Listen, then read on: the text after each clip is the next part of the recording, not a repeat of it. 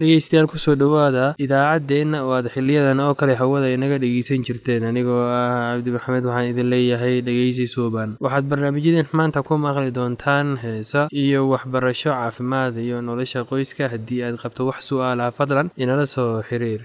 Ciwaankeenna waa radio somaly at yahu dt com. Mar labaad ciwaankeenna waa radio somaly at yahu dt com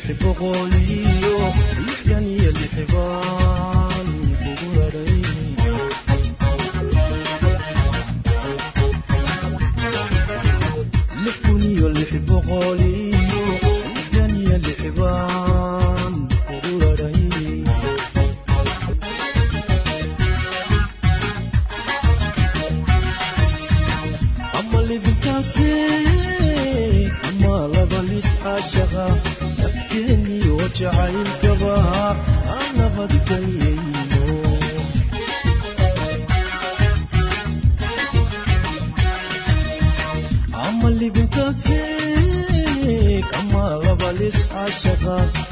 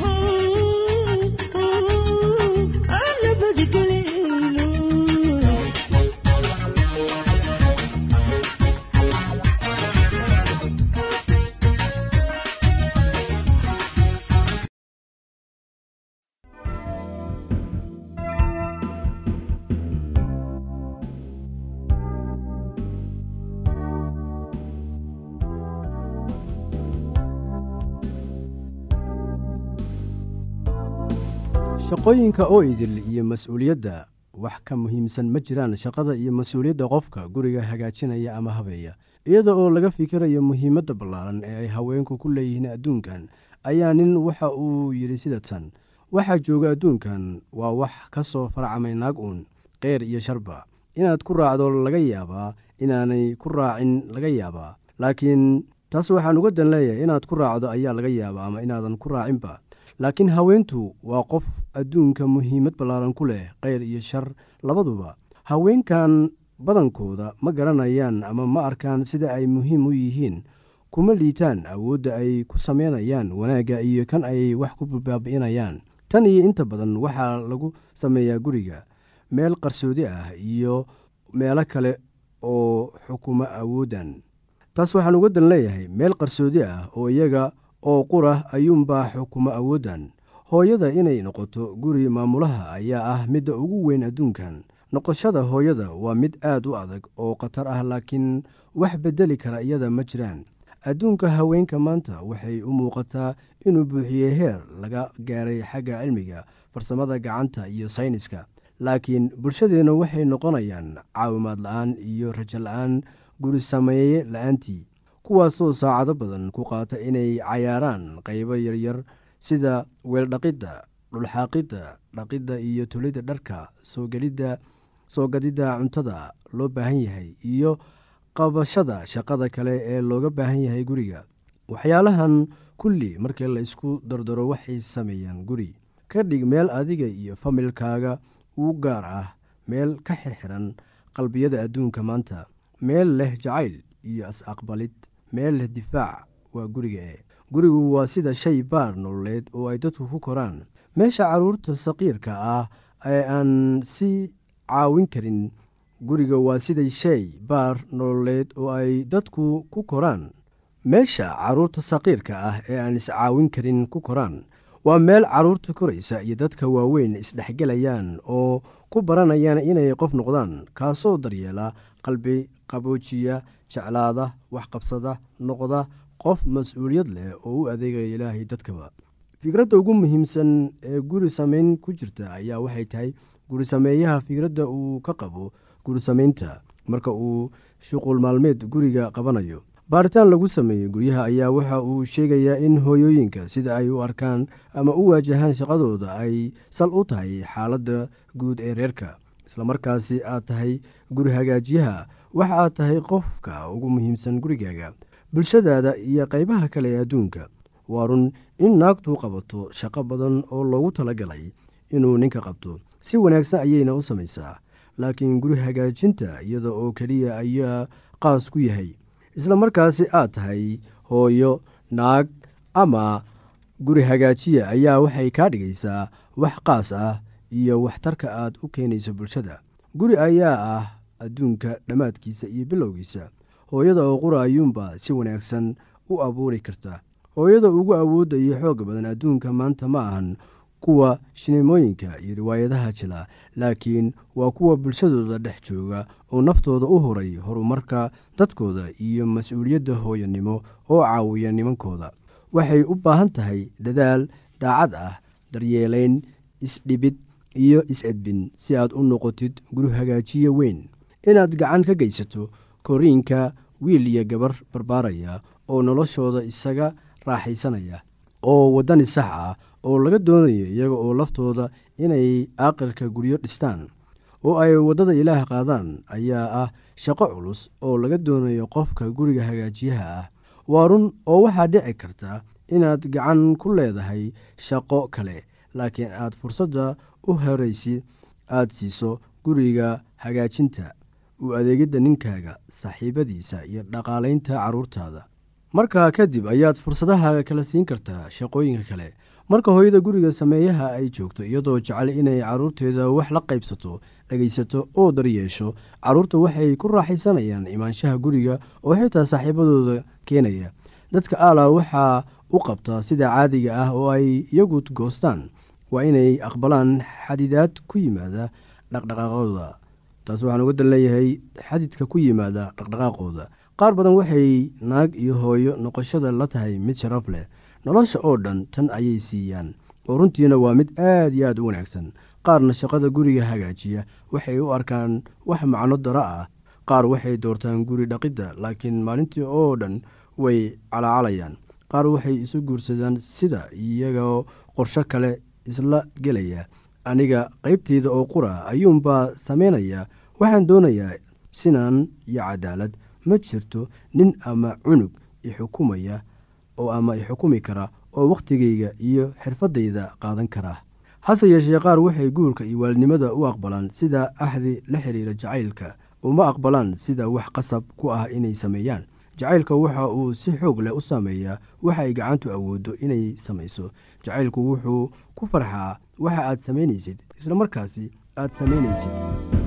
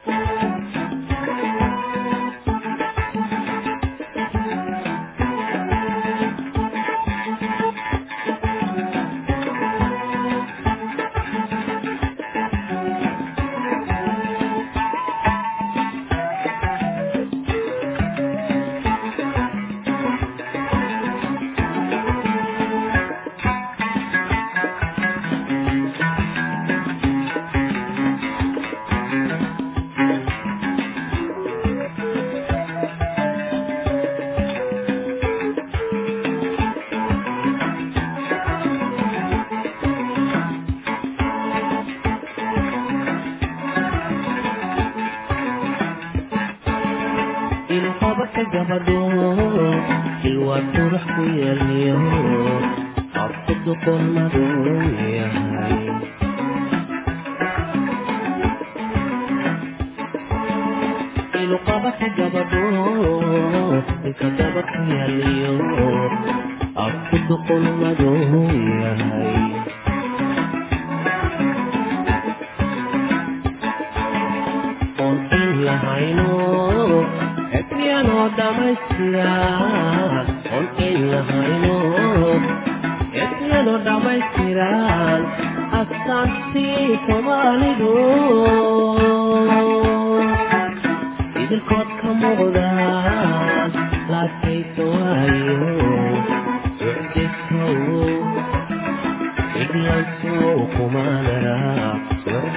oh, oh, oh.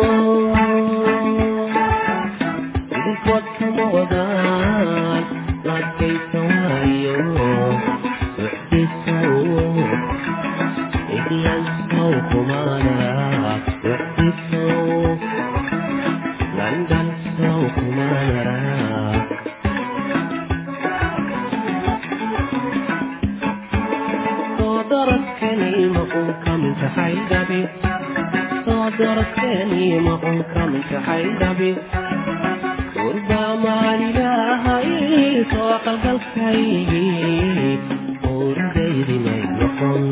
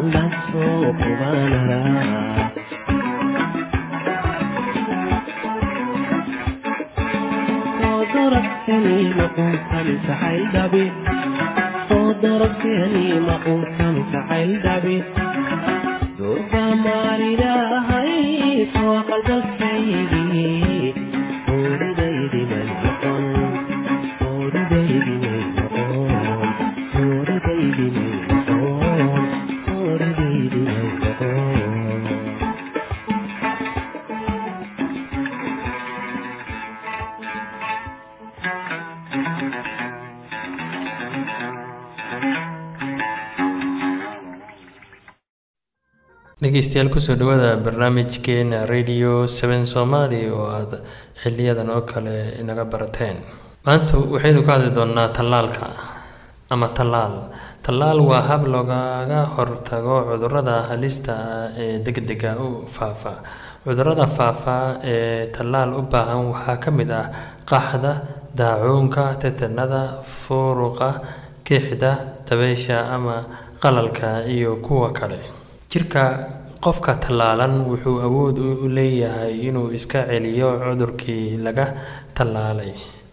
Tallaal kasta wuxuu cudurka hor istaagi karaa ilaa iyo muddo go-an lagama yaabo in uu kugu dhaco cudur ama iska tallaashe.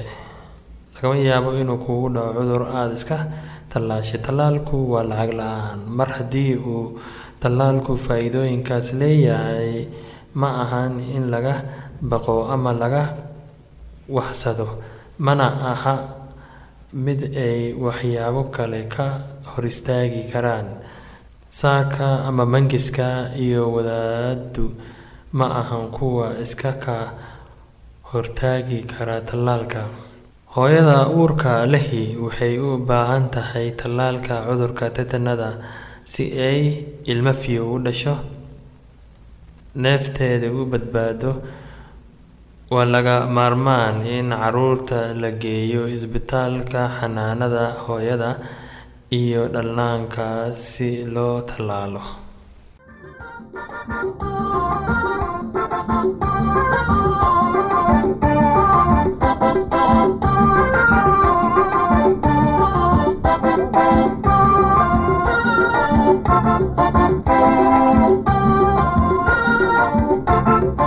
qaado belladonna ama dawo muruqa isdabcisa sida xanuunka u yaraado.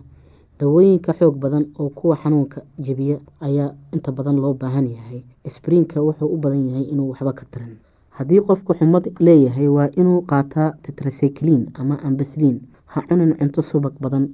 Cunto subag badan dadka aada u burburin. Waa inay cunaan cuntooyin yaryar oo ay miisaan lumiyaan dhibaatooyinka aada u xun ama tegi waaya u doono gargaar dhakhtarnimo marmar ayaa laga yaabaa in qalid loo baahdo. Ka hortegideeda dumarka aada u buuranin waa inay miisaanka ridaan iska ilaali cuntada macaanka iyo tan subaga leh oo waxba ha cunin cadhada dad qaar ayaa waxay qabaan in cadhada xumi ka timaado dacarta badan. Runta waxaa weeye dadka cadhada badan badidoodu waxba kama qabaan xameytida dacarta. Waa caadi hase ahaatee dadka cudurka xameytida hayaa haddii ay goor haddii had iyo goor baqdin ay ku nool yahay ay ka baqayaan in xanuun xumi ku soo noqdo sidan daraadeed way cadho dhow yihiin ama goor walba waxay ka warwaraan caafimaadkooda. Geerida oo la ogolaado sida qaalibka ahi dadka da-da si ka weyn sida dadka loo jecel yahay ayay ugu diyaar yihiin inay ogolaadaan geerida ku soo socota inta badan. Waxaynu isku daynaa inaynu qofka noloshiisa dheereyno inta aan kari karno. Wax kasta ha nagu qaadato marmar dhibaatadii haysay qofka iyo reerkiisa. Way sii kordhisaa marmar badan ayaa jira oo sida u raxmada badan ee aanay ahayn in labadii doono dhakhtar in la baadi doono dhakhtar ama dawada ugu wanaagsan ee ay tahay in lala joogo ee la taageero qofka dhimanaya xusuusi inaad ku faraxsan tahay waqtigii wanaagii iyo dhibaatadii aada soo wada marteen iyo inaad ogolaan karayso dhimashadiisa. Saacadaha ugu dambeeya jacaylka iyo ogolaanta geerida ayaa dawo kasta uga wanaagsan. Dadka da-da ahi bukaanka ku raagay waxay jecel yihiin inay gurigooda joogaan oo ay meesha ay garanayaan iyo dadka ay jecel yihiin ay ka doortaan cisbitaalada marmar waxaa laga yaabaa in tani soo dad qofka geeridiisa hase ahaatee goor walba ama xumo in ay tixgeliyaan qofka dareenkiisa iyo baahidiisa iyo kuweenaba marmar ayaa qofka dhimanaya. Waxaa dhibaatadiisa kordhisa ogaanta uu ogyahay lacagta ku baxaysa in nafta uga sii jirto oo ay sabab u noqoto reerkiisa ama ogolaadaan ama caruurtiisa oo gaajooto. Waxaa laga yaabaa inuu doono inuu iska dhinto. Waxaa jira marmar ay hagaagsan tahay dad badan sida aada geerida uga baqa xataa hadday dhibaato qabaan dunida ay yaqaaniin ma jecla in ay ka tagaan dhaqan kasta ama dhismaha dhimashada. Waxay waxbuu ka haystaa iyadoo nolosha ka dambeysa dhimashada. Diinta ay laga yaabaa inay qofka raaxo siiso marka ay geerida qofka ku soo dhowdahay. Geerida qofka kadisay ugu iman kartaa waa in badan ayaa la sugaa sida oo ugu diyaar inay qofku uu aada u jecel yahay geeridiisa. Soo socota oo arrin howl yar ma aha. Inta badan waxa uu qabaa wuxuu qaban karaa waa taageero ama raxmad garasho ayuu diyaar u ahaada geerida qofka yar ama carruurta weligeed ma howl yara. Raxmadda iyo daacadnimada waa laga mamaarmaan dhageystayaasheena qiimaha iyo qadarinta lahu waxaa halkan noogu dhammaaday barnaamijkii caafimaadka. Waa shiina oo idin leh caafimaad wacan